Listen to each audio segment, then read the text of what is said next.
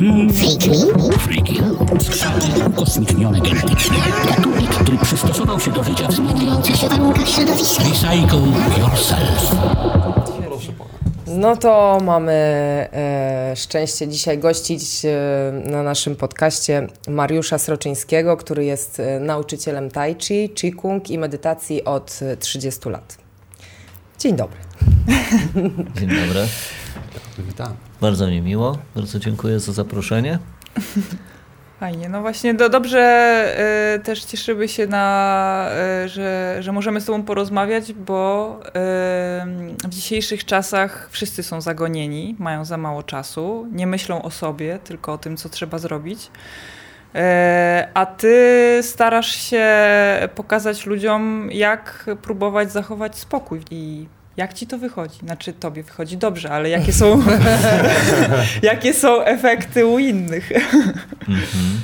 Ponieważ e, tai chi samo w sobie e, opiera się na koncepcji równowagi i łączeniu przeciwieństw, w związku z tym bardzo fajnie sprawdza się w dzisiejszych czasach, bo okazuje się, że jest niezwykle potrzebne. Chociażby właśnie z racji tego, że żyjemy w takim systemie, e, w takich czasach i w taki sposób, że ta jedna strona naszego funkcjonowania, czyli ta aktywność, praca, zarabianie, e, jest nadmiernie dominująca. To nie znaczy, że ona jest zła, tylko że po prostu dominuje za bardzo i gdzieś tam zostaliśmy e, wtłoczeni w taki e, system, e, zapominając o tym, że dla naszej równowagi fizycznej, psychicznej, dla e, samopoczucia, dla takiego pełni przeżywania, odczuwania, czy też w ogóle bycia, warto jest zwrócić uwagę na tą drugą stronę, e, która e, dotyka nas samych, czyli takiego zadbania o siebie, przekierowania uwagi na siebie,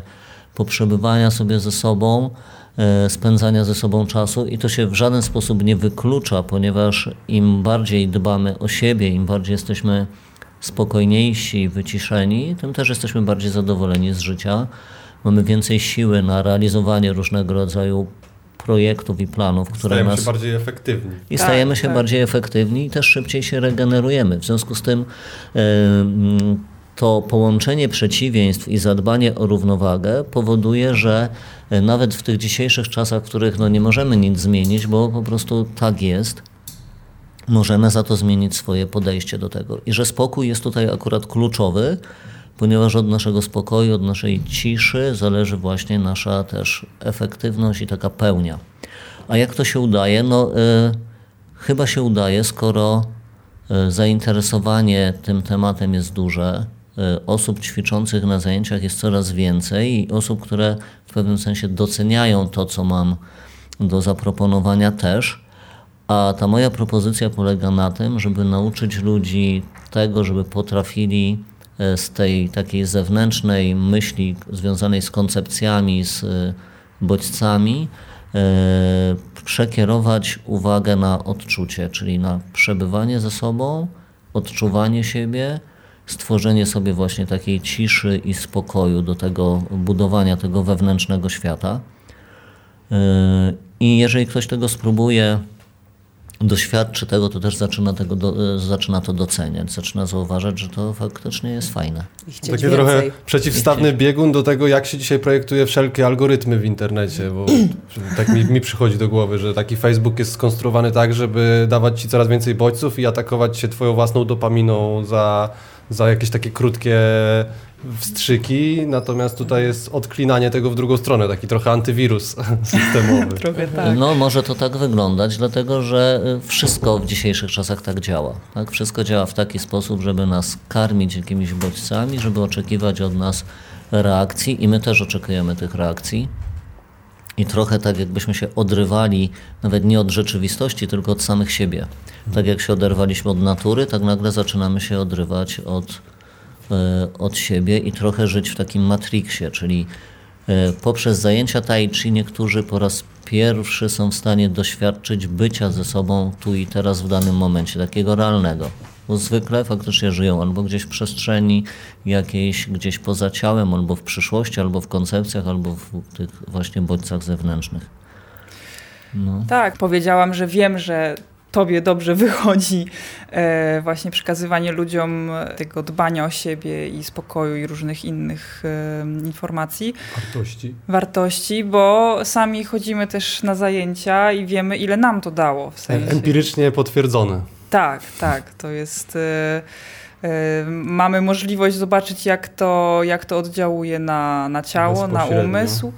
E, natomiast może też tak pokrótce zacznijmy od tego, czym w ogóle jest tai chi. O. Mhm. Czym jest tai chi?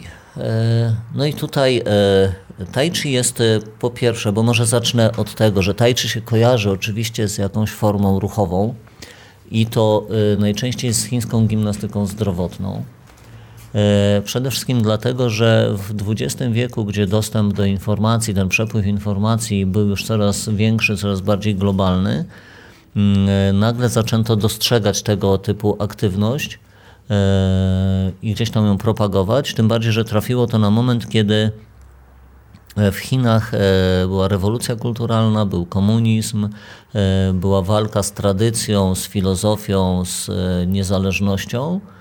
E, a gdzieś po drodze uchowało się tai chi jako jedna z niewielu starożytnych e, dziedzin, dyscyplin, tylko dlatego, że władze komunistyczne zauważyły, że to bardzo pozytywnie wpływa na zdrowie, a w dodatku uspokaja.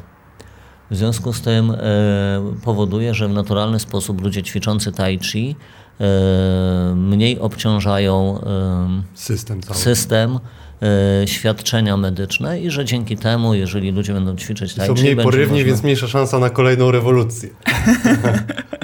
E, to też nie do końca, dlatego że ten spokój też wiąże się z e, poczuciem niezależności, hmm. ale trochę zmodyfikowano tai chi pod tym kątem, żeby właśnie te wszystkie elementy, które miały budować siłę, woli, charakter i, nie, i poczucie niezależności w sprytny sposób e, e, zneutralizowano i zostawiono po prostu gimnastykę, która miała na celu dbać o zdrowie, e, a uspokajać umysł. Dlatego tai chi jest kojarzone z gimnastyką zdrowotną, ale gdybyśmy sięgnęli do początków, to tai chi jest przede wszystkim koncepcją filozoficzną, która tłumaczy, że wszystkie zjawiska, które zachodzą w przyrodzie, mają swoje dwie strony i że bardzo ważne jest zrozumienie ich zależności, bo e, sama nazwa tai chi oznacza najwyższą zasadę, a ta najwyższa za zasada, gdybyśmy bardzo bezpośrednio przetłumaczyli tai chi, oznacza, że jest coś, co łączy przeciwieństwa. Więc nazwa tai chi oznacza na, najwyższą belkę kalenicową, która łączy dwie połacie dachu. Południową i północną. I te połacie symbolizują to, że ta jedna strona jest oświetlona, druga jest zacieniona, Jedna jest jasna, druga jest ciemna, e, ale że e, są zależne od siebie, czyli że tabelka jest czymś, co łączy te przeciwieństwa, zachowując ich e, odmienność jednocześnie. To daje nam zrozumienie tego, że wszystkie zjawiska w przyrodzie działają na takiej samej zasadzie i zależą od siebie. Czyli jeżeli jest światło, to znaczy, że jest cień i że bez światła nie ma cienia. I tak samo odwrotnie, tak? bez cienia, bez nocy nie ma z kolei światła, że te dwie rzeczy występują gdzieś tam e, razem i że analizowanie tych rzeczy daje nam głębsze zrozumienie natury. Na bazie tej analizy powstał system ruchowy, który można by e, e, tak ogólnie właśnie określić jako tai chi, ale Tai Chi w swojej pierwotnej formie było sztuką walki, czyli było starą chińską sztuką walki, która przez 700 lat powiedzmy była ćwiczona jako sztuka walki. E, mówię przez 700 lat, dlatego że ostatnie 100 lat to jest właśnie dominacja tych aspektów zdrowotnych.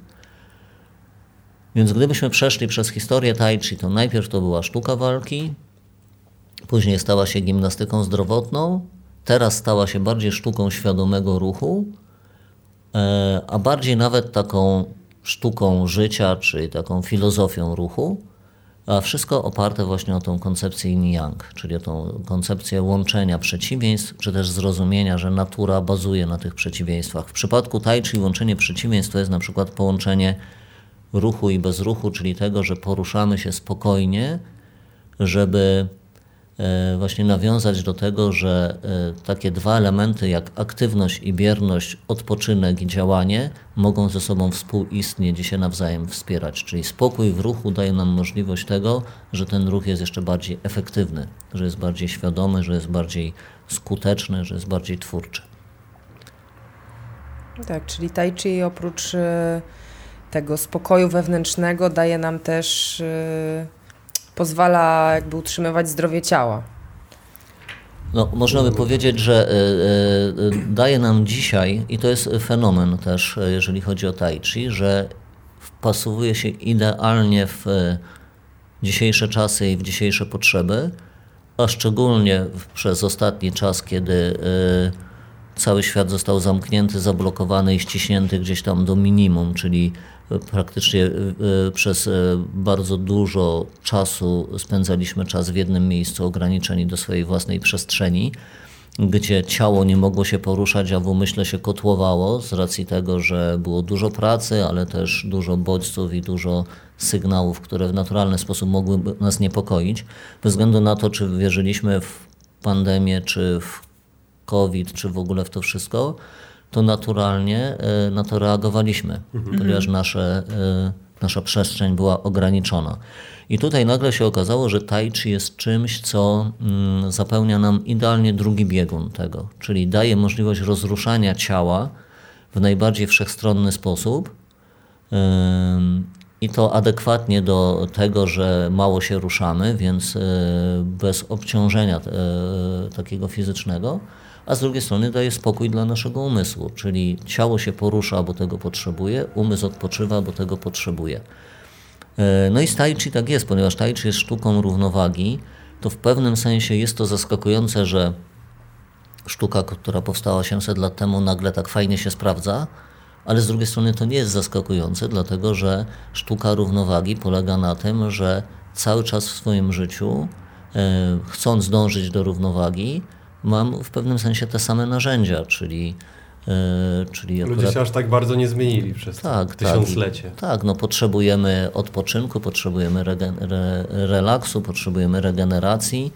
Yy, cały czas potrzebujemy tego drugiego bieguna i akurat Tai Chi daje nam to narzędzie przez cały czas. Ale akurat ono, ta sama sztuka Tai Chi była też modyfikowana przez, mm, można by powiedzieć, że od samego początku, przez setki lat E, w taki sposób, że poprzez obserwowanie natury ludzkiej dopasowywano metody do tego, żeby jak najbardziej z tego korzystać, czyli żeby nasza percepcja, nasze możliwości, nasze potrzeby mm, były e, jak najskuteczniej zaspokajane, też na takiej zasadzie, że przy minimum wysiłku maksimum efektu, czyli łagodny ruch, który daje maksimum możliwości. Tai Chi też e, jest ćwiczeniem, które można robić tak naprawdę wszędzie. E, I, I to jest też wspaniałe, że można zdobyć jakieś podstawowe techniki podczas zajęć i potem można, a nawet trzeba w domu powtarzać to, czy gdziekolwiek, czy w przerwie w pracy zrobić. Jadąc nie, pociągu. Tak, nie, tak. Po, nie potrzeba do tego żadnych tak naprawdę dodatkowych sprzętów w takiej podstawowej Do pewnego formie. stopnia przecież możesz nawet na siedząco sobie część praktyki tak, tak odtwarzać, tak, prawda? Tak, właśnie... albo w głowie nawet też można formę, jak się uczy ruchów. E, słyszałam, że tak można. można sobie odtwarzać. Próbowałam. Próbowałam.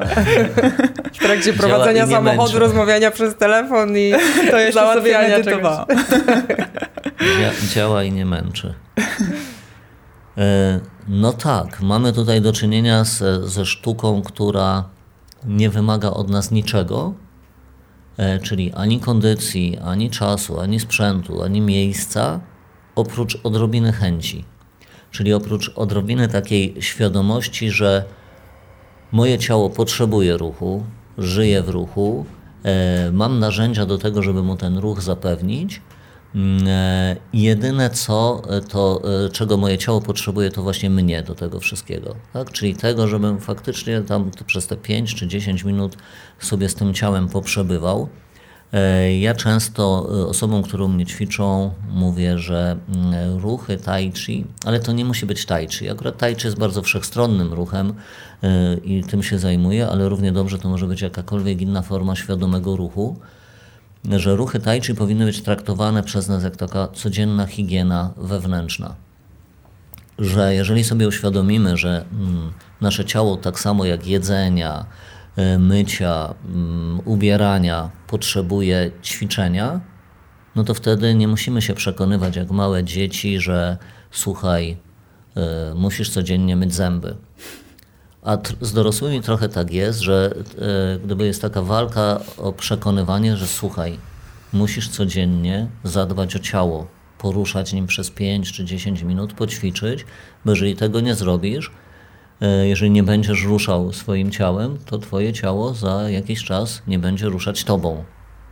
To jest No tak, logiczne. ale mycie zębów to jest coś, co nam jakby jest ogólnie dostępna wiedza, taki, że wpajają nam to od dziecka, nie? Tak. A, a ruch taki i osiąganie spokoju Do tego ducha trzeba trochę dotrzeć. e, i Znaczy, rozwijanie ogóle świadomego za, ruchu w ciele. Zastanawianie się nad sobą. Tak, to znaczy w ogóle jest na drugim planie, że takie- w- to powinny być e, podstawowe zajęcia w szkole, szkole, a- dla dzieci od A jest to, a jest to co najwyżej w formie początku. korektywy, jak już ktoś ma naprawdę kiepsko z kręgosłupem, to Tak. Też mamy właśnie te, takie podejście, że boli mnie głowa, no to muszę wziąć e, proszek, żeby nie przestała boleć, tak? Nie zastanawiamy tak, się, a nie dlaczego zwolnić boli. na chwilę i poddychać na tak, przykład. tak, tak. Tak, ale to też się wiąże z tym, że te sygnały z ciała, które docierają, docierają w dość zwolnionym tempie i docierają za późno, czyli z racji tego, że nie przebywamy ze swoim ciałem za bardzo, ponieważ bazujemy na zmysłach e, zewnętrznych, które e, są zajęte tym, co jest na zewnątrz. E, W związku z tym nie mamy takiego kontaktu z ciałem, nie wyłapujemy jego subtelnych rzeczy, bo jeżeli się e, nie, wiem, nie najemy, to sygnał jest od razu. Tak? No jestem głodny, muszę Burczy coś z tym zrobić. Jeżeli się nie ubiorę i wyjdę i będzie zimno, to też mam sygnał od razu. Mhm. Albo jak się nie ubiorę, a wyjdę, a będzie ciepło, To też mam też sygnał od od razu. razu e, w postaci tego, że w, nie wiem, będzie jakieś e, nie wiem, Gromadzenie. poruszenie na ulicy. Bulwer- zbulwersowanie. Natomiast jak nie zadbam o ciało, e, to ten sygnał pojawi się dopiero za jakiś czas i to najczęściej, bo zanim on się wydobędzie z ciała i dotrze do, e, do nas w postaci bólu czy czegokolwiek, kontuzji, choroby, no to wtedy najczęściej to już jest za późno i to mija parę lat. Nasze ciało jest skonstruowane w taki sposób, że ono jest z jednej strony odporne na naszą e, jak to nazwać, żeby nie nazwać głupotą, na naszą, Niefrasobliwość. tak, na naszą niedbałość, czyli nie reaguje od razu, tak, czyli, czy, czyli jest w stanie się jakoś tam dopasować. Mm, W związku z tym e, ratuje nas przed tym, że, że jakiekolwiek rzeczy, których tam e, zaniedbamy, że ono jakoś jest w stanie się z tego Wyciszy, wybronić. wytłumić to troszkę. Ale po jakimś czasie już nie jest w stanie, e, bo pewne rzeczy dzieją się za długo, za dużo e, i wtedy pęka. Tak? I coś się tam zaczyna z nim dziać. No i wtedy już jest za późno. Więc gdybyśmy potrafili wyłapywać te sygnały wcześniej i uświadomić sobie, że przecież to jest inwestycja i w teraźniejszość, bo czuję się lepiej ze swoim ciałem, bo jestem go bardziej świadomy, wiem, co z niego mogę wydobyć, jestem bardziej efektywny, ale też inwestuję sobie w przyszłość, ponieważ dzięki temu, że teraz się poruszam, jestem w stanie utrzymać podobną sprawność, elastyczność, e, świeżość, e, zakresy ruchu, kondycję przez dłuższy czas, e, no to wtedy, no cóż, no nie, nie trzeba mnie więcej przekonywać. Problemem jest to, że my od ćwiczeń e, oczekujemy tego, co oczekujemy od jedzenia i od tabletek. czyli Natychmiastowego efektu. tak, czyli że okej, po prostu ćwiczę i muszę od razu mieć super ekstra kondycję. W przypadku treningu tai chi, który jest łagodny, jest takie dziwne odczucie, ale to też się wiąże z koncepcjami filozoficznymi, że się nic nie zmienia. Czyli, że ćwiczę i jestem cały czas taki sam. Dlatego, że ten proces e, łagodnego Subtelnie takiego podnoszenia jest bardzo subtelny, niewidoczny. Byłby widoczny, gdybym miał skalę porównawczą, czyli co by się działo, gdybym nie ćwiczył ze mną Mhm. i to nie byłaby linia prosta, tylko jeżeli nie ćwiczę, a się niestety starzeję, to moje możliwości są coraz mniejsze. Poprzez, tak stopniowo, tak? Od takiej powiedzmy, że linii życia. Im jestem starszy, tym moje możliwości są mniejsze. Jak ćwiczę, one łagodnie sobie wschodzą do góry, ale oczywi oczywiście mój umysł chce Od razu wywindować na szczyt. Jeżeli nie ma takich efektów, znaczy, że nie działa. Albo okej, okay, no to będę robił coś takiego, co mi te efekty od razu da i takie zaspokojenie ego, że osiągnąłem jakiś sukces, coś się tam udało. I jeszcze do tego szybko. Szybko, tak. Tyle tylko, że zapominamy, że. Wziąłem to na kredyt. Tak, że wziąłem to na kredyt i że zachwianie relacji między yin yang powoduje, że raz jestem yang, czyli bardzo mhm. wysoko, a za chwilę mogę być równie dobrze bardzo mhm. nisko. Tutaj balansujemy pomiędzy. Yy, I faktycznie yy, to odczucie, że po 5, 10, 15 latach mam cały czas takie same zakresy ruchy, taką samą kondycję, taką samą siłę, nie jest e, błędem systemu, tylko jest właśnie niezwykłym plusem. Tak, że po 20-30 latach, kiedy moje ciało powinno być dużo słabsze, ono jest tak samo sprawne. E, a jeden z mistrzów e, Tai Chi kiedyś powiedział, że on właśnie po to ćwiczy, żeby w momencie, kiedy zrozumieć, kiedy, w momencie, kiedy uda mu się zrozumieć, o co chodzi w życiu, będzie miał e, siłę, żeby się jeszcze nim cieszyć. Ładnie To jest faktycznie. A właśnie, no to e, skoro jesteśmy przy mistrzach, e, to, no bo teraz to się tai chi i w ogóle takie ruchowe różne praktyki, czy, czy właśnie też praca z uspokajaniem umysłu się robi coraz popularniejsza w Polsce. E, no ale te, wyobrażam sobie, że te 20-30 lat temu było znacznie trudniej dotrzeć do jakichś źródeł i jak to by się w ogóle przytrafiło wpaść na takie tematy? I, i ja. Mm -hmm. no właśnie. Jak ta ścieżka wyglądała kiedyś, bo Aha. wyobrażam sobie, że zupełnie inaczej. No tak. E, no tak, teraz mamy e, trochę wszystko ułatwione, ale to też e, nie jest problem, bo najważniejsze jest to, żeby nie oceniać, nie porównywać i nie weryfikować, tylko akceptować mhm. pewne rzeczy. Tak? Patrzeć na problemy, teoretyczne problemy jako na okazję. Czyli teraz mamy okazję, żeby poznawać tai chi w taki sposób, czyli mamy duży wybór, dużo zajęć, regularnych zajęć. Możemy po prostu poznawać to krok po kroku.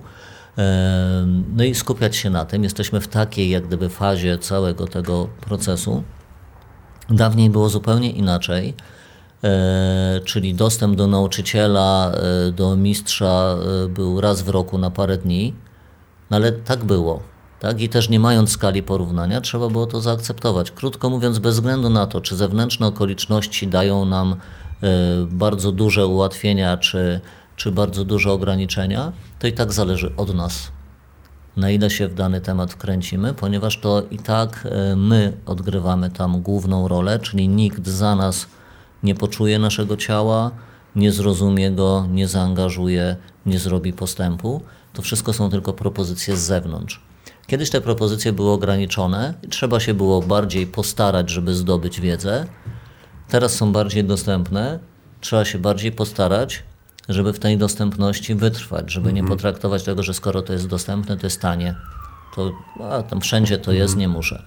Tak, nadal jak gdyby główną świadomością jest to, że bez względu na okoliczności muszę znaleźć sposób na to, żeby po prostu zadbać o siebie i żeby znaleźć do tego odpowiednie narzędzia. Więc kiedyś ćwiczono przez 4 dni na warsztatach, a później samodzielnie przez resztę roku. Przez resztę.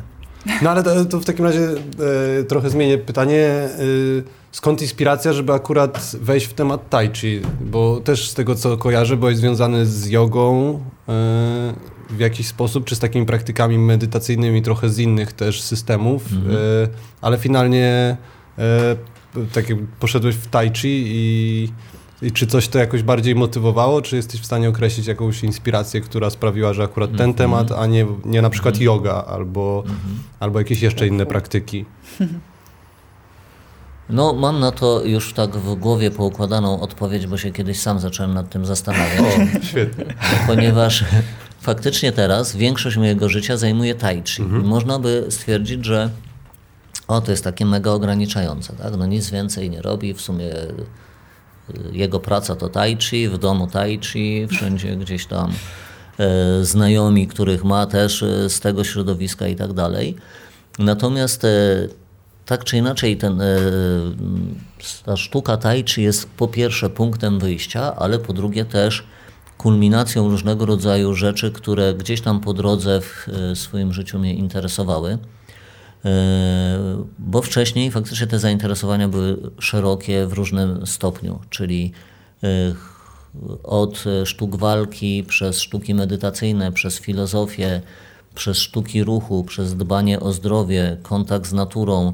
E, to się wszystko zaczęło w momencie, kiedy byłem w liceum plastycznym, gdzie w naturalny sposób zacząłem się interesować sztuką, kulturą starożytną, ale też wtedy zacząłem ćwiczyć karate. Poznałem ludzi, którzy zaczęli się interesować medytacją, jakimiś tam ścieżkami i religiami, nawet wschodnimi. Mm, sam pochodząc ze wsi, miałem e, zupełnie inną potrzebę na kontakt z naturą, bo było to dla mnie ważne. E, I te wszystkie rzeczy nagle na, narosły do takiego stopnia, że wiedziałem, że nie jestem w stanie się tym wszystkim zająć i to wszystko ogarnąć. I nagle pojawiło się, bo też zacząłem e, ćwiczyć karate, aikido, tego typu rzeczy, jogę też. Mm, I nagle pojawiło się tai chi, najpierw o tym przeczytałem i właśnie przeczyta, przeczytałem o tych koncepcjach filozoficznych związanych z tai chi, że to łączenie przeciwieństw, że samo tai chi przecież zbudowane jest e, z trzech e, skrajnych w pewnym sensie elementów, czyli mówię o sztuce tai chi, czyli ze sztuk walki, nazywanych ogólnie ćwicz, e, kung fu, z ćwiczeń zdrowotnych, które ogólnie znamy pod nazwą qigong i z medytacji E, teoistycznej, a to wszystko jest jeszcze otoczone filozofią teoistyczną. Czyli mamy tutaj e, zestaw takich trzech skrajnych elementów, które e, w odpowiednich relacjach ze sobą stworzyły nam taki twór, jakim jest Tai Chi. Do tego jeszcze niektórzy uważają, że mm, wpływ na to miały różnego rodzaju rytualne tańce albo jakieś ceremonie teoistyczne, więc do, doszedł do tego jeszcze taki aspekt fajny natury i filozofii. To nie wiedziałam, że były tańce w tai chi. W tai chi tańce są cały czas. Jedna, jedna z metod treningowych tai chi e, nazywa się taniec z tai chi i to jest bardziej na zasadzie spontanicznego ruchu. Mhm. Ale gdybyśmy przenieśli to na filozofię, e, to przebywanie w taki otwarty sposób z przyrodą, poruszanie się jak przyroda, zgranie się z nią, odbieranie jej ciałem – które można by nazwać improwizowanym właśnie tańcem w relacji z e, przyrodą, jakimś ceremonialnym. E, bardzo często też taki taniec był tańcem zdrowotnym, który mm, powstawał w oparciu o pozwolenie na to, co nasze ciało chce z ruchu, żeby się poczuło lepiej, czyli że to nasze ciało podpowiadało nam, jak się poruszać, żeby coś tam w ciele uruchomić, że coś tam jest nie tak. No i to był na przykład właśnie jakieś tam formy takiego spontanicznego tańca, e, które podobno miały też jakiś tam wpływ na to, co, e, co widzimy teraz w tai chi, tak jak obserwowanie zwierząt, ich zachowań, ich natury, e, ich ruchów.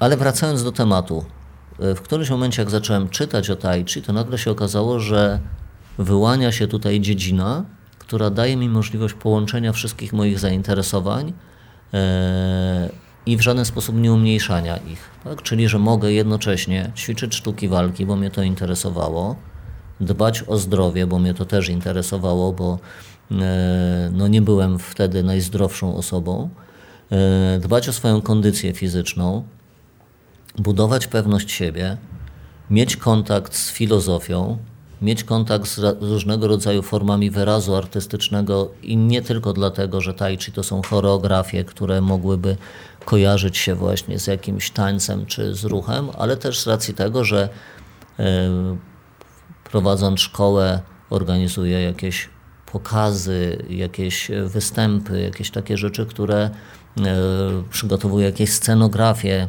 E, samo urządzanie studia było jakąś tam formą wyrazu artystycznego. Mm, w związku z tym mam kontakt też ze sztuką, która mnie wcześniej interesowała, bo uczyłem się też e, e, robić scenografię w teatrach, mm, e, malarstwa teatralnego, mm, z takich rzeczy, które. Wszystko się połączyło. Które tak, i to wszystko się połączyło. Kontakt z naturą, kontakt ze starożytną wiedzą, kontakt z filozofią, ze sztuką życia w pewnym sensie, i nagle się okazało, że w Tai Chi to wszystko jest, tak, że to się wszystko ładnie tam składa. Niby że, jeden temat, a tak naprawdę po prostu koktajl Tak. tematów. I że mogę to wszystko tam zebrać, ale jednocześnie mam punkt wyjścia do tego, żeby, żeby tymi rzeczami się dalej interesować. A dodatkowo jeszcze jedna fajna sprawa, że poprzez mm, to, że zajmuję się tai chi, mogę żyć sobie tak, jak sobie wymyśliłem, tak jak chcę. Czyli mam swój temat, swoją pracę, swój sposób na to, żeby to rozumieć, więc w pewnym sensie żyję w systemie, ale trochę obok e, systemu, bo nigdy nie byłem na żadnej rekrutacji do firmy, nigdy nie miałem żadnego szefa, który czegoś ode mnie chciał, czego ja na przykład nie chciałem zrobić. E, W związku z tym ominęło mnie mnóstwo takich rzeczy, których e, 99% osób e, nie omija. A które są często powodem wielu frustracji. No tak, ale, ale też niestety no, tak to wygląda tak, w dzisiejszych czasach, że Tak. nie mamy wyjścia, że nasze życie nie jest zależne od nas, Tak. a tutaj mam tak, że moje życie jest zależne ode mnie. Potem musimy to rozćwiczyć. Dodatkowo jeszcze mogę życie zawodowe połączyć z życiem rodzinnym, bo przecież prowadzę szkołę e, od e, 13-14 lat e, razem z moją żoną. Pracujemy razem w pewnym sensie 24 godziny na dobę. E, Nie lubimy e, mówić o swoich prywatnych rzeczach, ponieważ e, staramy się mimo wszystko to rozdzielać, mimo tego, że to jest nierozdzielalne w żaden sposób, ale staramy się to rozdzielać. Ale z drugiej strony możecie sobie wyobrazić dwie osoby, które pracują ze sobą cały czas 24 godziny na dobę przez parę lat. W większości przypadków, jak ktoś o tym słyszy, to mówi, że raczej to jest niemożliwe. Że, że po Czy dwóch... nadal jesteście małżeństwem? Dokładnie, dokładnie. Bywa to wyzwaniem na pewno. jak to jest. I jeszcze ciekawa rzecz w związku z Tai Chi, że mam możliwość em, kontaktu, poznawania, obcowania, mm, budowania relacji z mnóstwem niezwykłych, ciekawych osób pod każdym względem. I e, zaczynając od mistrzów chińskich, którzy tego uczą i z którymi miałem kontakt przez, tych, e, przez te lata, przez pasjonatów tą sztuką na całym świecie, e, aż do ludzi, którzy przychodzą do mnie na zajęcia i też są skrajnie różni, a jednocześnie no, mają jakiś taki wspólny, łączący ich temat, aż do ludzi, którzy są wokół i którzy współpracują ze mną, a którzy są też na swój sposób niezwykle ciekawi i e, oryginalni, jak na przykład wy. E, I to jest, niez, I to jest niezwykłe. A z drugiej strony też ważne jest to, że na przykład tam ci ludzie, którzy przychodzą do mnie na zajęcia, tak, że ja nawet nie wnikam za bardzo, kto to jest, czym się zajmuje, jaki ma zawód, jakie ma wykształcenie, jaką rolę pełni w społeczeństwie. Znając kogoś przez 10, 12, 15 lat, nawet nie wiem, kim on jest tak naprawdę na zewnątrz, ale nie dlatego, że mnie to nie interesuje, tylko dlatego, żeby dać i sobie, i tej osobie taką przestrzeń do tego, że to nie ma znaczenia.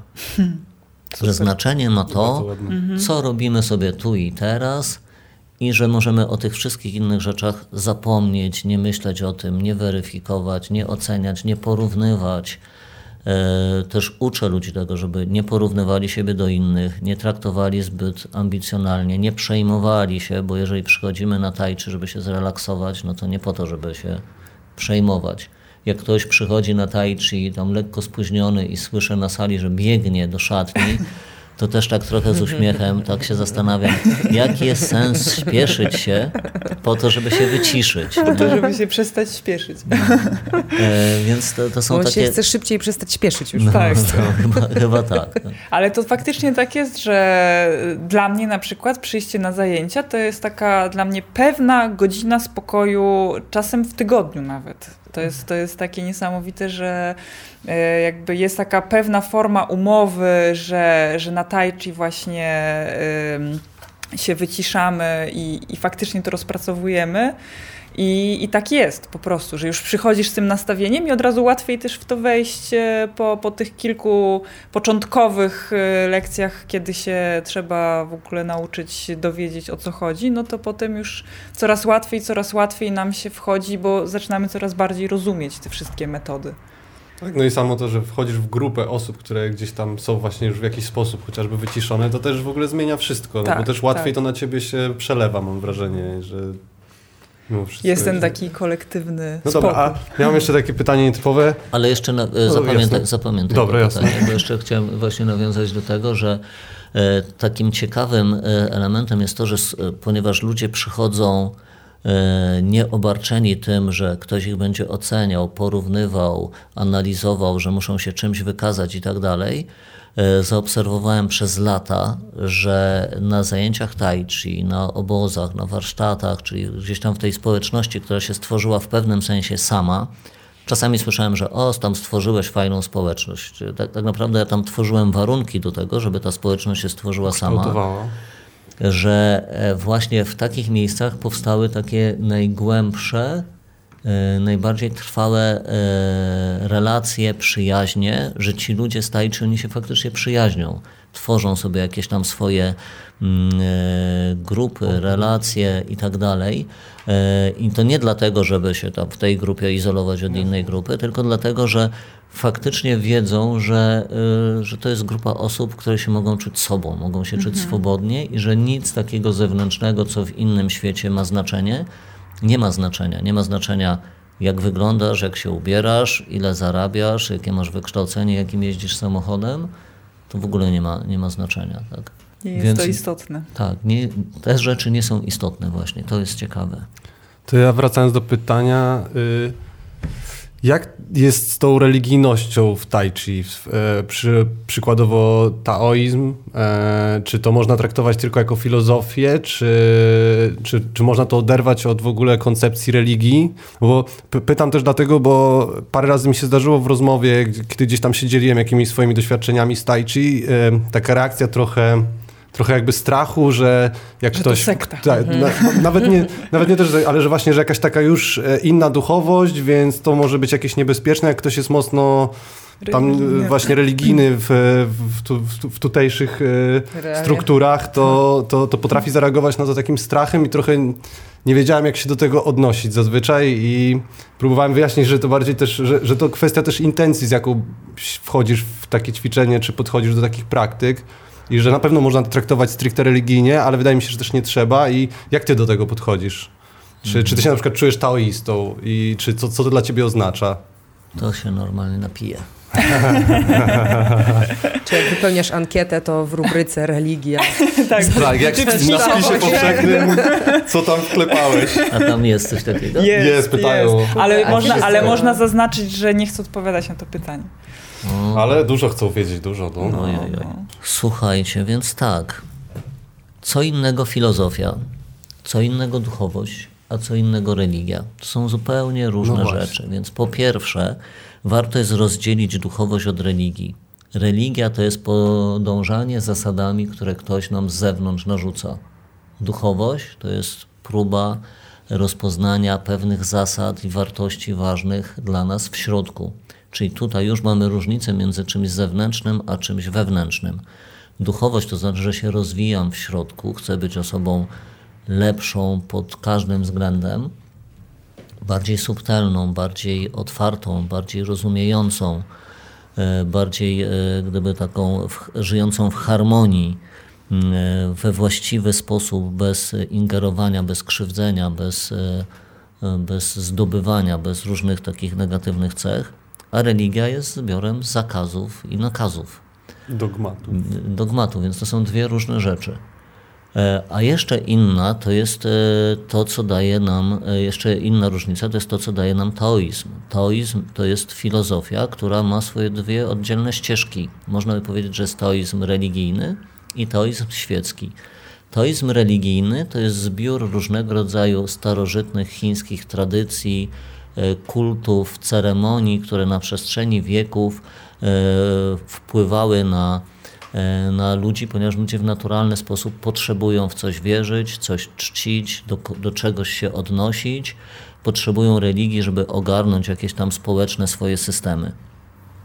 Ale to jest zupełnie oddzielna rzecz niż filozofia teoistyczna, czy też tak zwany teoizm świecki, który tłumaczy nam naturę, czyli jak działa natura, jakimi się kieruje prawami i co zrobić, żeby żyć w zgodzie z naturą. Jednym z takich elementów życia w zgodzie z naturą jest to, że rozumiejąc swoją relację z naturą i to, że jestem jej częścią, nie wpływam na nią niepotrzebnie, nie absorbuję sobą, nie zmieniam na siłę, tylko po prostu sobie w niej funkcjonuję z szacunkiem do niej i do wszystkiego, co w tej relacji jest zbudowane. Na przykład na zajęciach czasami mówię tak, że e, wyciszamy się tam na początku zajęć albo przed wykonaniem jakichś ćwiczeń, po to, żeby przestrzeń, w której jesteśmy, przez chwilę sobie od nas odpoczęła ponieważ tak jak teraz na przykład jak rozmawiamy, tam ruszam rękoma, cały czas ingeruję w tą przestrzeń, tak? wpływam na to, że cząstki powietrza tutaj sobie latają. A ja przez chwilę mam dać czas tej przestrzeni, żeby, sobie, żeby się ode mnie uspokoiła, żeby zaczęła sobie funkcjonować tak jak chcę, a w momencie, kiedy się poruszam, poruszam się w taki sposób, żeby znów nie wpływać na nią, nie tworzyć chaosu, nie ingerować, tylko żeby sobie z nią płynąć. Czyli dlatego ruch w tai chi jest łagodny, bo poruszam się tak, jakbym nie chciał, żeby jakakolwiek cząstka powietrza zareagowała na mój chaos, tylko żeby sobie współistniała ze mną. Tak? Czyli poruszam się w taki sposób, żebym istniał w tej przestrzeni, żeby był, nią, e, żebym był częścią tej przestrzeni, a nie żebym ją próbował już sobie ujarzmiać, ogarniać, podporządkowywać. Więc filozofia teistyczna mówi nam o czymś takim.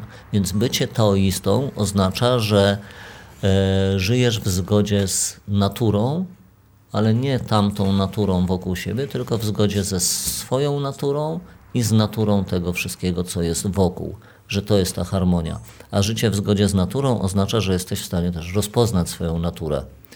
Czyli czego faktycznie w życiu chcesz, e, e, do czego jesteś, e, jak to powiedzieć, jakie masz predyspozycje, jakie masz możliwości, w jaki sposób to zrobić, żeby to osiągnąć, czyli w jaki sposób działać faktycznie tak, żeby żyć pełnią życia, tak jak się chce i to jest moja natura, więc taoista to jest osoba, która żyje tak jak chce, a nie mhm. osoba, która wyznaje jakąś tam religię Konkretne teistyczną. zasady. Bo filozofia teistyczna tłumaczy, że yy, jak jest słońce, to jest księżyc, jak jest noc, to jest dzień, jak jest góra, to jest dół i że wszystkie relacje od siebie zależą. Że z zimnej wody może powstać gorąca, z gorącej wody może powstać zimna, że, ying, że yin tworzy yang, że yang zależy od yin i że ja w tym wszystkim też muszę poszukać harmonii. Podsumowując, tai chi nie ma nic wspólnego z religią, taoizm nie ma nic wspólnego z religią, można by powiedzieć, że tai chi ma coś wspólnego z duchowością. Jeżeli zrozumiemy, że duchowość to jest proces rozwoju, doskonalenia siebie, usubtelniania, patrzenia na rzeczywistość inaczej, e, no to tak, ponieważ tai chi jest sztuką samodoskonalenia, samorozwoju. Więc jeżeli ktoś mi mówi, że nie może ćwiczyć tai chi, bo to jest inna religia, to ja mówię, tak, masz rację. Albo miałem parę takich sytuacji naprawdę, tak, że, że y, fajnie jest u Ciebie na zajęciach y, i to nie ściemniam teraz, fajnie jest u Ciebie na zajęciach, podobają mi się te zajęcia, ale nie mogę przychodzić, bo ksiądz mi zabroni. Mhm. Aha. Matko. E, no więc, no tak, no jak nie możesz, taka... bo ci ksiądz zabronił, to po prostu nie przychodź. No, bo rodzina mnie tak, wydziedziczyła, tak, mhm. zmieniłem religię. Bo tylko zastanów się, co zrobisz, jeżeli ksiądz ci zabroni oddychać, albo zabroni ci chodzić na spacery, albo zabroni ci jeść, bo przecież trening tajczy to jest dbanie o siebie. Więc jeżeli ksiądz zabrania ci dbać o siebie, to wynika po prostu z niewiedzy. Z niezrozumienia. Ty, tak. tak, ale i ty to akceptujesz, mhm. to znaczy, że no, ja cię nie przekonam. Mhm. Tak? No, mhm. tak? Masz rację. Nic, nic, na siłę, wiadomo, wiadomo, ale tak, myślę, że fajnie wyeksplorowaliśmy ten wątek. Tak, Mi też bardzo, to sporo rozjaśniło bardzo, tych bardzo wszystkich. Tak. Ale faktycznie, jak to definiować, jak się tak, bronić. Bo, tak, bo rzadko się nad tym w ogóle zastanawiam, bo tak jakby wewnętrznie to po naturalnie prostu. tak jakby tak to gdzieś rozumiem, ale jak komuś właśnie z, takim, z taką percepcją przychodzi to wytłumaczyć, to właśnie jest to trudne. Opieram to zazwyczaj o to, że pewnie zależy od, od indywidualnej intencji i, i na tym kończę temat. Ale tak, ale to ładnie uzupełniłeś. Tak, bo to trzeba, podsumowując, trzeba pamiętać o tym, że sam taoizm dzieli się na religijny i świecki. Mhm. E, I e, że e, filozofia taoistyczna nie ma nic wspólnego z religią taoistyczną. Mhm. A nawet jak się kiedyś mistrza spytaliśmy tego, że co to dla ciebie zna, ży, znaczy życie w zgodzie z Tao? Tak, skoro jesteś mnichem, ale mieszkasz teraz w Stanach, co to znaczy? Jak wyglądają Twoje praktyki toistyczne? On mówi, no jak to jak? No robię to, co lubię, uczę tai chi, prowadzę szkołę, tam uczę kung fu, wstaję rano, ćwiczę, właściwie się odżywiam, żyję wśród przyrody, żyję w zgodzie z naturą, żyję tak jak chcę. To jest moja droga Tao. Dla ciebie drogą Tao może być to, że żyjesz w Warszawie, e, pracujesz w banku, cieszy cię to, to jest twoja droga, to jest twoja natura, bo taką masz naturę. Jak to akceptujesz, jak cię to spełnia, sprawia ci radość, to jesteś taoistą, bo żyjesz w zgodzie z Tao, czyli pracujesz w banku. Ja jestem taoistą, bo moją naturą są sztuki walki, więc ćwiczę sztuki walki. Tylko zaakceptuj to. Nie naśladuj, tylko zaakceptuj. Masz taką naturę, jak ją zaakceptujesz, to jesteś szczęśliwy. Jak będziesz z nią walczył, to będziesz nieszczęśliwy. Jak będziesz robił coś, czego nie chcesz, też.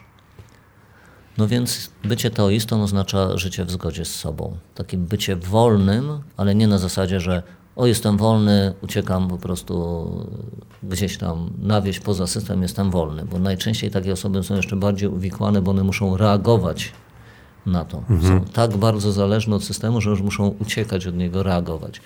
A tu chodzi o to, żeby być wolnym bez względu na to, gdzie się jest. Tak? W jakich okolicznościach. Ładnie powiedziane. Tu płynnie troszkę przeszliśmy do stylu Wudang. I do, i do, mistrza, I do mistrza, z którym aktualnie Cio. współpracujesz. Ja może zacząłbym ten temat od tego, że tak naprawdę da się e, rozpoznać kilka takich wiodących aktualnie styli, stylów? Stylów czy styli?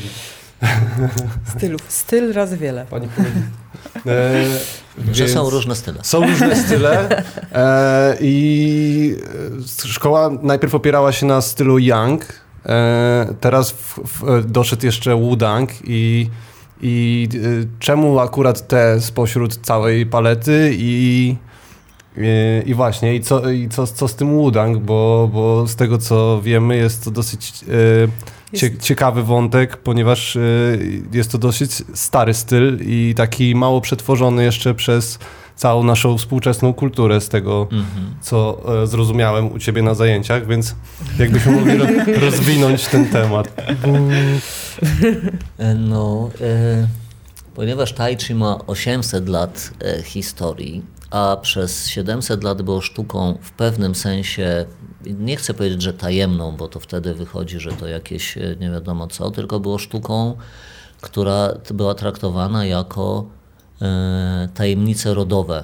To znaczy, że ćwiczono, e, zresztą bardzo wiele dziedzin chińskiej kultury w taki sposób funkcjonowało, że była to jakaś umiejętność jakiegoś rodu, na bazie której ten ród zarabiał i oni czy funkcjonował, czy się bronił i ten ród wcale nie był zainteresowany, że poznali to wszyscy. To była specjalność danego rodu. Więc tak samo było ze sztukami walki, że, że one były systemami e, rozpracowywanymi przez jakąś tam rodzinę po to, żeby w skuteczny sposób bronić.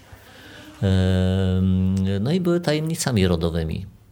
E, natomiast ale też rozwijały się w pewnym sensie, bo nie dało się e, uniknąć jakichś jednak wpływów i, i tego, że, że te systemy się rozwijały. Ktoś został do jakiejś rodziny przyjęty, ktoś odszedł, ktoś zamieszkał w klasztorze, albo ktoś wrócił z klasztoru, albo ktoś wyjechał na wojnę, zdobył inne e, umiejętności, dodał je do, do swojego systemu.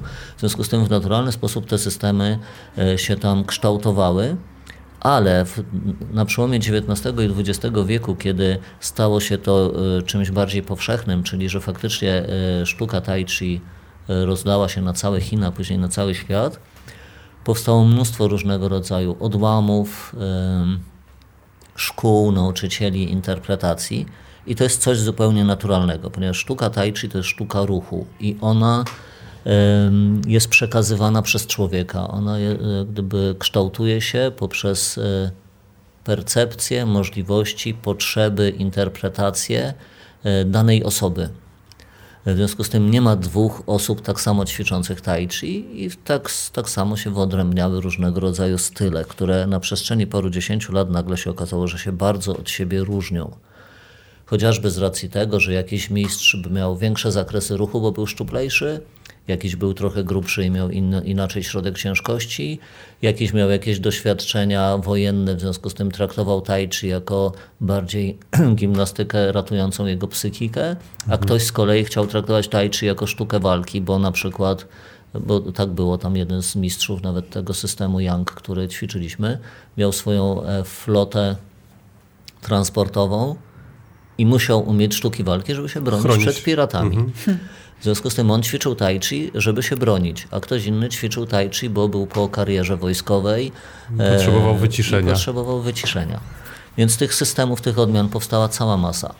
E, I w pewnym sensie każdy, każdy mistrz tai chi jest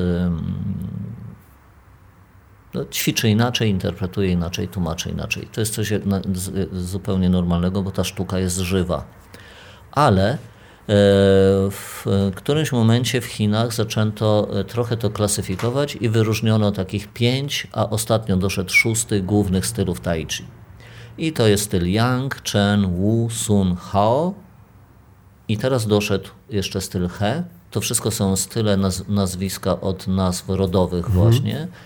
E, One w swojej historii się tam mieszały ze sobą. Niektórzy ze stylu Yang ćwiczyli e, w Chen, niektórzy ze stylu Wu ćwiczyli w Yang, ale tak czy inaczej to są rodziny, które najbardziej to rozwijały, wypromowały, mm, usystematyzowały. Te style są po prostu najbardziej znane. Ale jest też coś takiego jak styl pekiński.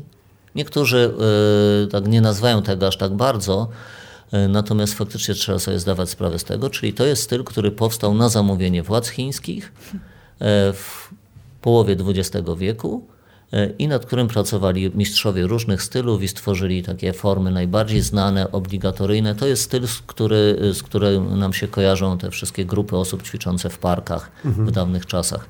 I to jest tak zwany styl pekiński, uproszczony, obligatoryjny, stworzony na zamówienie, ale dzięki temu stylowi tai chi przetrwało najtrudniejszy właśnie ten moment komunizmu i też dzięki temu tai chi zostało mm, tak rozpropagowane.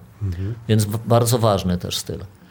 E, Ale on się nie mieści w tej e, kategorii, Kanonie. Tych, tym, tym kanonie tych sześciu e, głównych. No i jest styl Wudang, z kolei najstarszy ponieważ te, tych sześć sty, y, stylów głównych to jest taka historia 200-100 lat, tak one gdzieś tam y, tyle mają, bo styl Yang to jest XIX wiek, styl Wu to jest początek XX, styl Chen jest z nich najstarszy, ale to też nie jest jakaś, to jest 200 lat powiedzmy takiej udokumentowanej historii.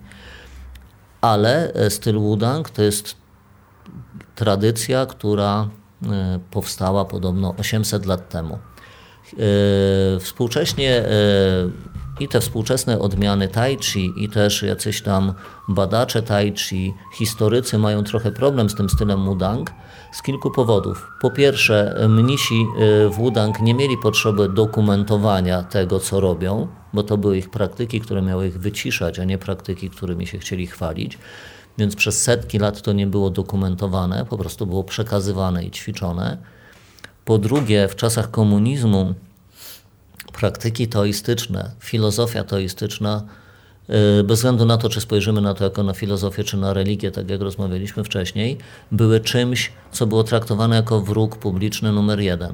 Dlatego, że filozofia teoistyczna uczy cię bycia silną, niezależną indywidualnością.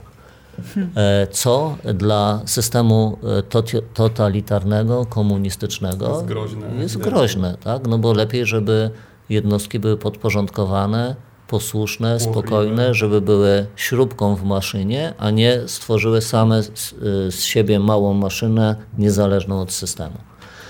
W związku z tym klasztory były zamykane, mnisi byli wypędzani, mieli zakaz ćwiczenia itd., itd.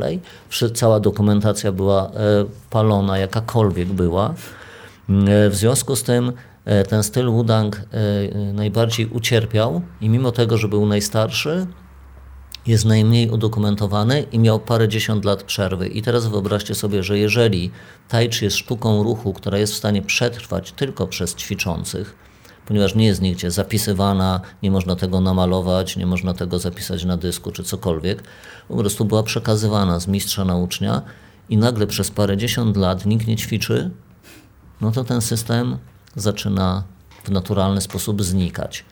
W związku z tym styl Wudang, który znamy teraz, jest stylem, który w latach 70., 80. E, był e, różnymi sposobami rekonstruowany. Na zasadzie jakichś starych zapisków albo jakichś mistrzów, którzy pamiętali jeszcze, co ćwiczyli, jak byli mnichami, na przykład, albo tych, którzy uciekli gdzieś na Tajwan. historia w ogóle. E, tak, więc, więc no, ktoś teraz no, próbowano odtworzyć coś, czym nie, czym nie można się było zajmować, korzystając z różnego rodzaju źródeł, więc w pewnym sensie najstarszy styl jest stylem najwcześniej e, e zrekonstruowanym. zrekonstruowanym, najmłodszym. Ale to nie znaczy, że nieskutecznie, dlatego że bardzo wielu mnichów wyjechało w ogóle, uciekli z Chin, wyjechali na Tajwan i tam ćwiczyli, albo wyjechali do Japonii i tam ćwiczyli, albo do Malezji. W związku z tym te niektóre przekazy udało się całkiem fajnie zrekonstruować. A u nas w szkole wyglądało to tak, że e, Tai Chi do Polski trafiło przez oczywiście te style pekińskie, ponieważ tylko one były dostępne w latach 70., 80., i ludzie, którzy interesowali się sztukami walki, interesowali się tai chi właśnie poprzez te style pekińskie, mm, docierali do, docierali tego. do tego.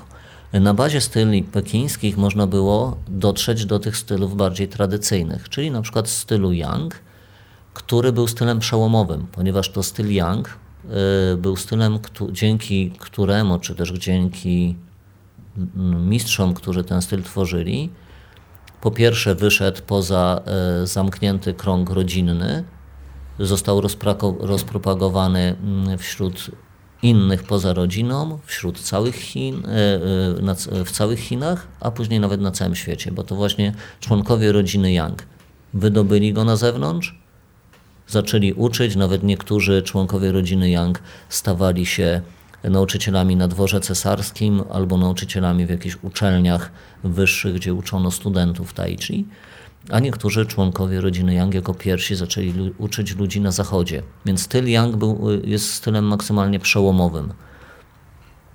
No i my mieliśmy możliwość, żeby tam 30 lat temu e, uczyć się pod okiem jednego z mistrzów stylu Yang, który uczył na Zachodzie i który też całe swoje życie przeznaczył na to, żeby ten styl rekonstruować, żeby e, rekonstruować jakieś starożytne metody treningowe, więc niezwykle bogaty styl, niezwykle taki naukowy, płodny nauczyciel, który wydał mnóstwo książek na temat stylu Yang i który e, jest traktowany jako jeden z większych badaczy tego systemu. Mm, więc przez 15 lat mieliśmy możliwość, żeby e, ćwiczyć u niego, żeby go reprezentować, żeby z nim współpracować. Ale moje, tak jak wcześniej tam mówiłem, zainteresowania wcześniejsze starożytnością, filozofią, taoizmem i tak dalej, powodowały, że cały czas miałem taką tęsknotę właśnie za stylem Wudang, za y, takim dotknięciem bardziej bezpośrednim tej filozofii taoistycznej. I w którymś momencie, w takim przełomowym momencie szkoły, stwierdziłem, że to jest ten moment, kiedy trzeba się tym stylem Wudang zająć. I tak wcześniej nie było możliwości, bo nie było dostępu do mistrzów, bo ich nie było. Nawet jeżeli tam gdzieś próbowali ćwiczyć, e, nawet jeżeli te klasztory były otwierane ponownie, to cały czas pod nadzorem władzy, władzy tajniaków, którzy Cenzury czasami pewnej. byli. Tak, nawet tajniacy byli zatrudniani w klasztorach jako mnisi, po to, mhm. żeby sprawdzać, co się tam dzieje. Mhm. No i tam pięć lat temu e, stwierdziliśmy właśnie z Kamilą, że spróbujemy znaleźć jakich, jakichś mistrzów Wudang w internecie, napisać do nich i zaprosić do Polski. No i na kilka maili do różnych mistrzów odpisało dwóch. Jeden, który z Chin miałby przyjechać, ale warunki, które nawet nie on, tylko system postawił, jeżeli chodzi o jego pobyt, były nie do przejścia. I nagle się okazało, że napisał mm, mistrz ze Stanów, e, który uciekł z Chin, który jako jedyny mnich teoistyczny, gdyby wyrwał się z tego e, jarzma, powiedzmy, że systemu i stał się niezależny. I on powiedział, że on bardzo chętnie przyjedzie. Że do tej pory unikał przyjeżdżania do Europy, bo był zapraszany z Włoch, z Holandii, skądś tam, ale stwierdził, że Polska jest tak dla niego dziwnym krajem, że aż z ciekawości nietypowym, egzotycznym, że po prostu przyjedzie. E, ja mu wtedy napisałem, że warunki e, finansowe, jeżeli chodzi o Polskę, są zupełnie inne niż w Stanach, żeby też wziął, wziął to pod uwagę, jeżeli chodzi o koszty jego nauczania, koszty warsztatów. I on też jako jedyny powiedział, napisał, że nie ma żadnego problemu. On po prostu przyjedzie, nie żeby. żeby tak, nie o to chodzi. On przyjedzie, żeby się spotkać z ludźmi, którzy chcą ćwiczyć wudang, a nie po to, żeby stawiać jakieś przeszkody. Mm, Przyjechał i tak się e, ta współpraca niezwykle rozwinęła, tak polubił entuzjazm ludzi, którzy ćwiczą w Polsce, tak polubił naszą szkołę, tak e, gdyby e, ucieszył się tym olbrzymim zainteresowaniem, bo przecież na warsztaty przychodziło 140-150 osób, a u niego na zajęcia w Stanach przychodziło 15-20, więc e, był zaszokowany, zdziwiony, pozytywnie taki na, nakręcony tym wszystkim. Z, warszta- z warsztatów często kojarzę, że samo zaangażowanie też wydaje mi się z, e, tutejsze mu bardzo odpowiadało, bo tak się nawet powoływał czasami na to, że, że w Ameryce troszkę leniwiej to działa. Tak, że ludzie są leniwi, że im się nie chce ćwiczyć. Bardziej ociężali przez to Albo, średniej że- jakości jedzenie. Albo że ćwiczą, bo nie dlatego, że ich to interesuje, tylko że lekarz im kazał. E, Poza tym też mówił, że w Stanach bardziej ludzie przychodzą do niego po kung fu niż po tai chi i to też e, z tego co pamiętam Polska, Polska go interesowała pod tym kątem, że, że tutaj ludzie chcą tego tai chi i, i wcale nie, nie mają tej potrzeby, żeby to było mocne, silne, szybkie kung fu od razu i A on z kolei sam e, też e, będąc mistrzem kung fu e, chyba mówił, że bardziej właśnie tai chi go interesuje, bo tam jest więcej na tym do etapie odkrycia, życia też tak? mówił, że, że to chyba fa, fajny kierunek już. Tak. No tak, bo e, gdybyśmy trochę z takimi cytatami, bo chciałem teraz zacytować e, mistrza Chan Sanfenga, e, czyli tego głównego legendarnego twórcę e, Tai Chi Udang sprzed 800 lat, ale z tymi cytatami to jest tak jak z cytatami Einsteina. Że Einstein gdyby się dowiedział, co on powiedział, jakie rzeczy, to by się zdziwił. Ale jeden z takich tekstów, który gdzieś tam nawiązuje do, do tego, mówi o tym, że jeżeli będziemy traktować kung fu udang, czy też tai chi udang tylko jako sztukę walki, to ją maksymalnie zubożymy i zabierzemy sobie szansę na to, żeby wykorzystać jej niezwykły wielopłaszczyznowy e, potencjał. Całą Czyli, że, że tak, że ma dużo więcej do zaoferowania niż same sztuki walki.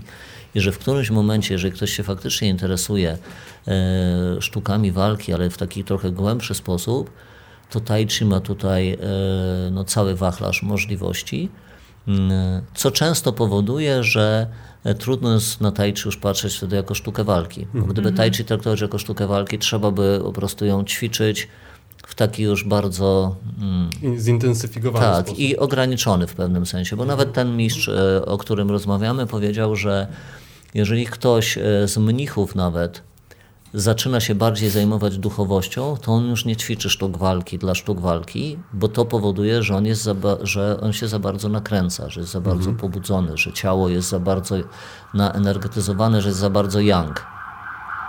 A rozwój duchowy potrzebuje wyciszenia. Więc akurat Tai Chi daje taką, takie narzędzie do tego i staje się czymś więcej niż sztuką walki. Niektórzy uważają, że, e, że to jest e, zubożenie, no bo jak się ćwiczy tai chi pod kątem samorozwoju, to, nie, to w pewnym sensie to wyklucza jego skuteczność bojową, ale to nie jest zubożenie, tylko to jest rozwinięcie, bo jeżeli będziemy Pójście patrzeć na, dalej. tak, jeżeli będziemy patrzeć na takie rzeczy tylko pod kątem tego, żeby nauczyć się jak komuś e, w, mm, Przyłożyć. przyłożyć, no to co to ma za wartość w naszym życiu, tak? Poświęcam lata treningu po to, żeby kogoś pobić? Jaki to ma sens? Tak? Nie, ja poświęcam lata treningu po to, żeby się rozwijać, żeby się doskonalić. Żeby A, I żeby po, po, podnosi też swój komfort i, w ciele i w ogóle Tak. w życiu. Tak? Tak, czuję się, czuję się bardziej pewnie, czuję się bardziej bezpiecznie, czuję się silniejszy, czuję, że mógłbym sobie poradzić w sytuacjach zagrożenia, ale nie myślę o tym, bo Nie, to nie jest nie mój, szuka się tego. nie szuka się tego, a z drugiej strony jak ktoś ćwiczy sztuki walki dla sztuk walki, to ma cały czas stres, że trafi na kogoś silniejszego. No bo tak jest. No, No zawsze i też się trening sztuk, sztuk walki bardzo, bardzo często jest nieoderwany od kontuzji, które niejako nie są też wcale łatwą ścieżką. I no właśnie, sa- sam mam z tym trochę doświadczeń. Więc Tak. tai chi jest właśnie bardzo piękne to, że, że można się rozwijać w tych tematach, a jednocześnie właśnie to ryzyko kontuzji tak maleje mimo wszystko. Tak, nie naginasz swojego ciała po prostu I- do granic. Nawet odchodzi ta potrzeba tego takiego sparingowania, które chociażby pchające dłonie dają temu też zupełnie nową ideę te, takiego spary, powiedzmy alternatywy do sparingowego treningu, gdzie jest ten kontakt, jest jakieś wyczuwanie Przeciwnika. przeciwnika powiedzmy. Albo partnera. Albo partnera, no bo to, to też właśnie zależy jak, to, jak na to spojrzeć. No Tak. piękne po prostu. A to y, ja właśnie chciałabym jeszcze y, tak może doprecyzować, y, o co chodzi ze świadomym ruchem. W sensie, bo to nie jest tylko to, że świadomy ruch, to znaczy, że ja wiem, że podnoszę lewą rękę w tym czasie i też Tai Chi właśnie ma zestaw ruchów w formie, która, która ma trzy części. Ale to nie jest tylko wykonywanie tych ruchów po kolei i to nie jest też tylko myślenie na zasadzie, że dobra, teraz wiem, że robię ten ruch, a za chwilę wiem, że robię następny ruch. E, tu jest właśnie e, też jakieś takie zaplecze tego e, czucia tego ruchu i tych takich, takiego przepływu energii. O co chodzi właśnie ta świadomość ruchu, jakby to, jakby, to jeszcze do, to doprecyzować. określił, tak. E, Spójrzmy najpierw na metody, jakie się stosuje. Czyli e, e, głównym takim elementem w treningu tai chi jest powolność. Co na początku kojarzy się, że mm, tak znów nawiązując do sztuk walki, że ćwiczy się powoli, to jaki to ma związek ze sztukami walki? Natomiast trzeba zdawać sobie sprawę z tego, że to jest metoda. Czyli, że powolność nie jest celem treningu, ale jest metodą, która coś nam umożliwia nietypowego, jeżeli chodzi o spojrzenie na ciało. Pozwala dotrzeć w jakieś ciekawe Tak. I miejsce. to jest tylko jed, jak gdyby jedna z metod, tak? która na przykład zbliża nas do tego, żebyśmy byli w stanie poruszać się dużo szybciej i dużo skuteczniej. Natomiast główną metodą, e, głównym celem powolności jest to, żebyśmy mieli czas na obserwację swojego ciała w ruchu. Czyli na to, w jaki sposób nasze ciało się w ruchu e, zmienia, co z kolei daje nam coraz głębsze zrozumienie tego, jak powinno e, się poruszać, jakie ma możliwości, jakie ma potrzeby, jakie ma zakresy, żeby ruch był coraz bardziej świadomy i coraz bardziej precyzyjny. Natomiast o co chodzi w ogóle z tą świadomością? Chodzi o to, że ja mam, e, i to znów e, tłumaczy nam symbol yin yang, który tłumaczy nam, że tak samo ważne jest to, co jest na zewnątrz, jak i to, co jest w środku. Czyli chociażby że ruch ma bazować na bezruchu, czyli zanim zacznę się poruszać, to muszę potrafić zapanować nad ciałem, muszę je wyciszyć. Tak jak w muzyce, żeby powstał czysty dźwięk, to musi być cisza, która jest częścią muzyki. Tak jak, żeby powstał obraz, który, e, który coś tam ma oddać, to on musi powstać na jakiejś pustej przestrzeni, bo jak namalujemy go na czymś zabazgranym, więc to samo jest z naszym ruchem, że żeby powstał czysty, świadomy ruch, to musimy najpierw sobie zapanować nad ciałem, musimy je wyciszyć. I to jest jak gdyby pierwszy element. Drugi element e, to jest e, zlikwidowanie przeszkód. Zlikwidowanie przeszkód polega na tym, że staram się zlikwidować różnego rodzaju napięcia, które są w moim ciele, które przeszkadzają w świadomym ruchu, ponieważ świadomy ruch oznacza, że ja faktycznie świadomością jestem wewnątrz ciała i potrafię odczuwać, jak ono pracuje, jak się zmienia. Napięcia mi w tym przeszkadzają, dlatego tak dużą rolę w treningu tai chi odgrywa rozluźnienie. Czyli to, że stosuję różne metody, żeby zlikwidować napięcia, zmiękczyć ciało, zbudować jego elastyczność, zbudować przestrzeń, która umożliwia mi rozpłynięcie się tej mojej świadomości. Mm, I poprzez różnego rodzaju metody, przede wszystkim poprzez powolne dotykanie różnych obszarów, poprzez ruch, czyli to, że ja powoli poruszam nie tylko ręką, ale stopą, kolanem, biodrem, powoduje, że w taki mechaniczny sposób mój system nerwowy e, zaczyna się wzmacniać, czyli mój przepływ informacji do tych miejsc zaczyna być coraz mocniejszy. Mój mózg zaczyna wpisywać sobie coraz dokładniejszą mapę swojego ciała, czyli budują się połączenia neuronowe, które się wzmacniają poprzez to, że ja przebywam dłużej z daną częścią ciała, obserwując ją, e, poruszając zgodnie z zasadami, które mi umożliwiają takie dokładniejsze zobaczenie, gdzie ona jest. Czyli świadomość ciała polega na tym, że ja faktycznie poprzez metody treningowe wzmacniam swój system e, zdobywania, przekazywania informacji i wpisuję dokładniejszą mapę swojego ciała do mózgu. Jestem po prostu bardziej świadomy tego, gdzie moje ciało jest. Ale ta świadomość ma też te dwa aspekty, czyli to, że jestem świadomy kształtu, jaki nadaję swojemu ciału, czyli gdzie ono jest w przestrzeni, ale jestem też świadomy tego, jak ono się czuje w momencie, kiedy się poruszam, czyli które mięśnie pracują, w jaki sposób pracują, jak e, zachowują się stawy, jak się ustawiają, a na bazie tej pracy z rozluźnieniem wiem, które mięśnie nie powinny pracować, które napinam niepotrzebnie. Czyli świadomy ruch polega na wyciszeniu, rozluźnieniu, poprawnym ustawieniu struktury, e, koncentracji na ciele, no i na tym, że poprzez jak gdyby powolność i precyzję wiem, co się ze mną dzieje.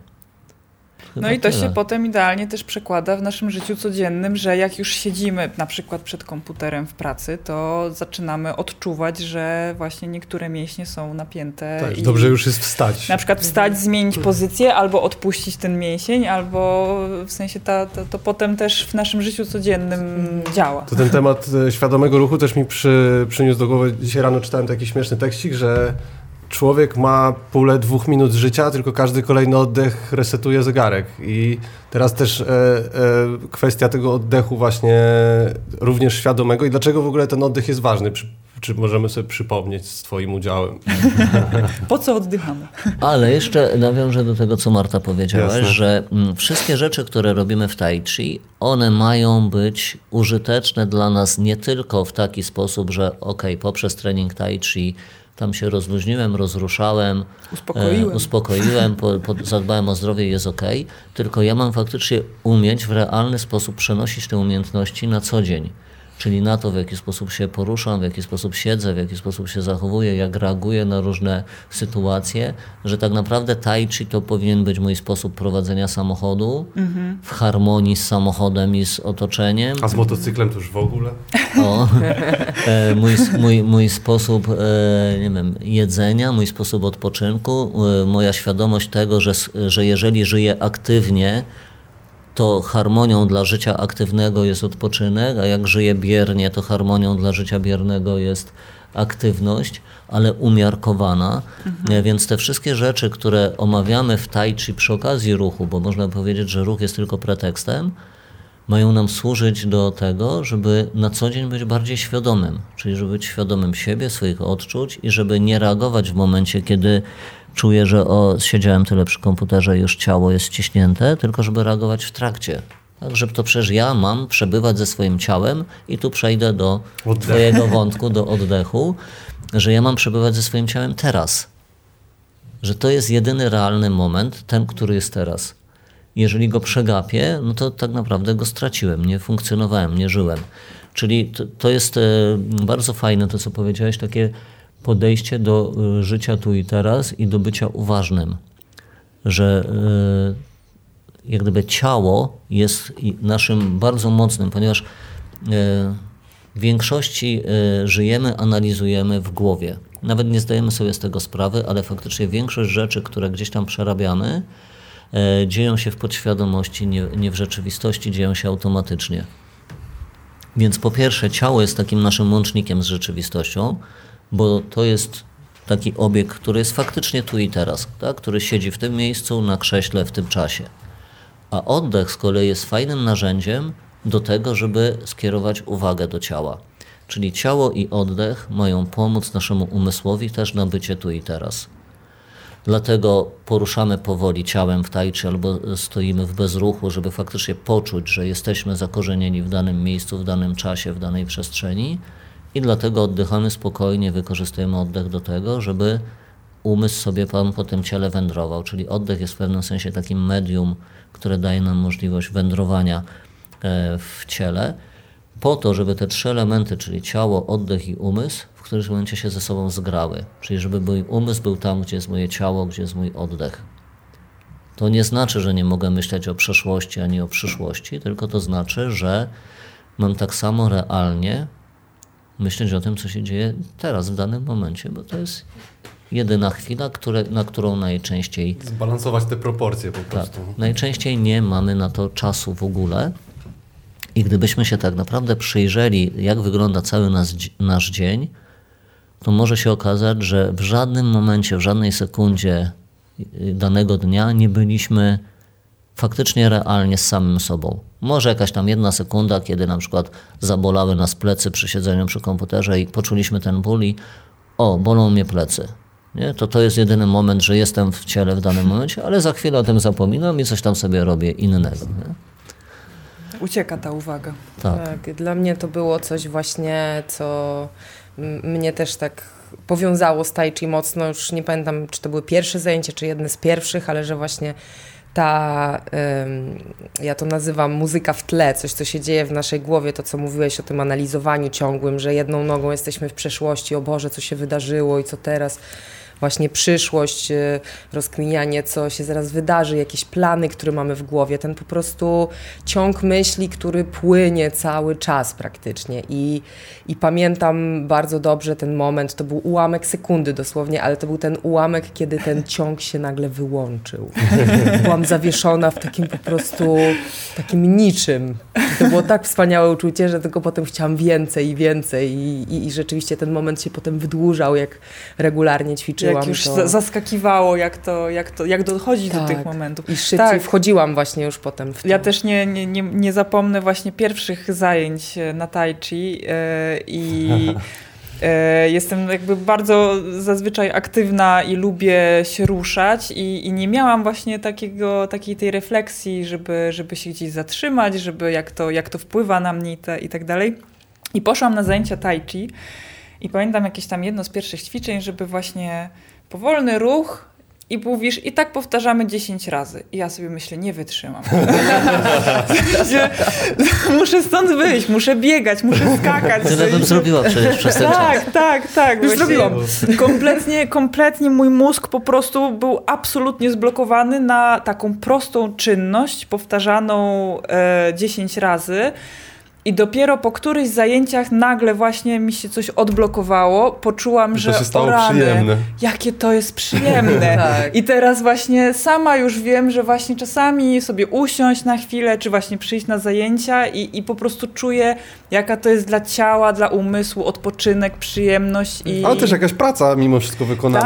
Tak, tak, jest... tak. To jest, to ale jest ta bardzo... praca jest właśnie taka, tak właśnie spokojna, delikatna, efektem, że, no. że, że... To jest bardzo niby prosta rzecz, rzecz, żeby wykonując formę, która jest sekwencją ruchów, których mamy się nauczyć na pamięć, które nie są ani super skomplikowane, ani ta forma nie jest bardzo długa, ale głównym naszym zadaniem jest to, żeby wykonywać ten jeden ruch, który teraz wykonujemy i być tu i teraz w tym ruchu, który wykonujemy. A my już tak. automatycznie jesteśmy, ja już myślę, aha, to trzy ruchy dalej jest ten ruch, którego ja nie pamiętam, to ja już zaczynam na nim skupiać, a ten, co zrobiłam przed chwilą, to na pewno to zwaliłam, Boże, czy Mariusz to widział, czy nie, czy będzie nagana, czy nie. A to tylko my sobie dajemy tą wewnętrzną naganę i tą gonitwę, że już jesteśmy właśnie pięć ruchów w przód i w życiu to jest, to jest dokładnie po prostu przełożenie na jak nasz mózg funkcjonuje tak, na co dzień we tak, wszystkich tak, rzeczach, tak. które robimy.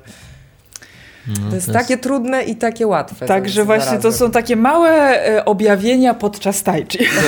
Tak, Ale to jest, to, to, jest ciekawe, co, co mówicie, bo e, nawet e, w zeszłym tygodniu miałem takie doświadczenie z jedną z grup, która już się nauczyła całej formy dużo ruchów, tak? W związku z tym naturalnie, mimo tego, że tai chi, y, że od samego początku jednak się tego uczymy i, i, o tym rozmawiamy, no to żeby y, nastąpił proces przemiany w głowie, to wymaga to jeszcze więcej czasu niż przemiana w ciele. Czyli wymaga to chociażby takich właśnie małych impulsów, jak mówiłaś, że jak już dotkniesz tego, że o, nagle jestem, tak? I czuję, że jestem. To ja. Tak, to zaczynasz, już wiesz czego szukać, tak? Mhm. Już masz ten punkt zaczepienia a inaczej, no to okej, okay, no każe się poruszać powoli, to się poruszam powoli, tak? I sobie myślę o tym, że co było, co będzie, czy zrobię, czy nie zrobię i tak dalej.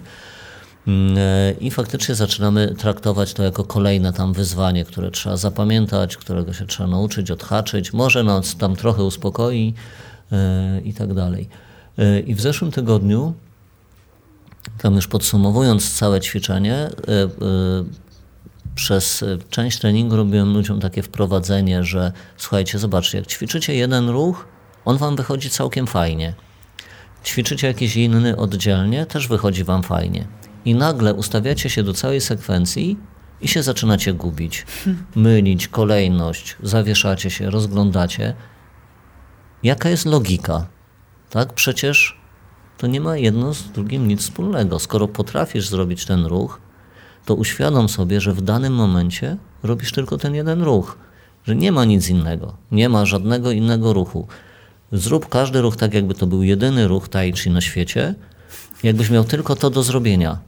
Tylko ten jeden ruch. Tak? I go po prostu zrób. Jak go zrobisz, to zrób następny. Ale dopiero wtedy. Nie martw się na zapas. Tak, bo, bo to nie znaczy, że nie myślisz o przyszłości ani o przeszłości. Nie, bo to tak czy inaczej w głowie będzie. Tam głowy się, umysłu, jego y, metod pracy się nie zmieni. Tylko chodzi o to, żebyś nauczył się być tu i teraz. I mówię tak, pamiętajcie, macie do zrobienia tylko jeden ruch. I takie nagle, takie zdziwienie na sali, że o faktycznie, mamy do zrobienia tylko jeden ruch. No to robimy ten ruch. Tak, zróbcie go najlepiej jak się da. To pomyślcie sobie, że to jest jedyny ruch w ogóle, jaki istnieje, jaki wymyślono. Zgaście go i macie do zrobienia jeden ruch. Nie następny, nie kolejny, nie coś tam, nie inny. Jeden. Zrobili tak niezwykle formę, że aż faktycznie było to urzekające. Zrobili całą, bezbłędnie, spokojnie, w jednym spokojnym tempie, w koncentracji, bo nagle się okazało, że mamy do zrobienia dokładnie to, co robimy. No bo tego ma nas Tai Chi nauczyć, że, że jeżeli już coś robię w danym momencie, to staram się to zrobić najlepiej jak się da. Jeżeli nie, no to po co to robię? To jest strata czasu.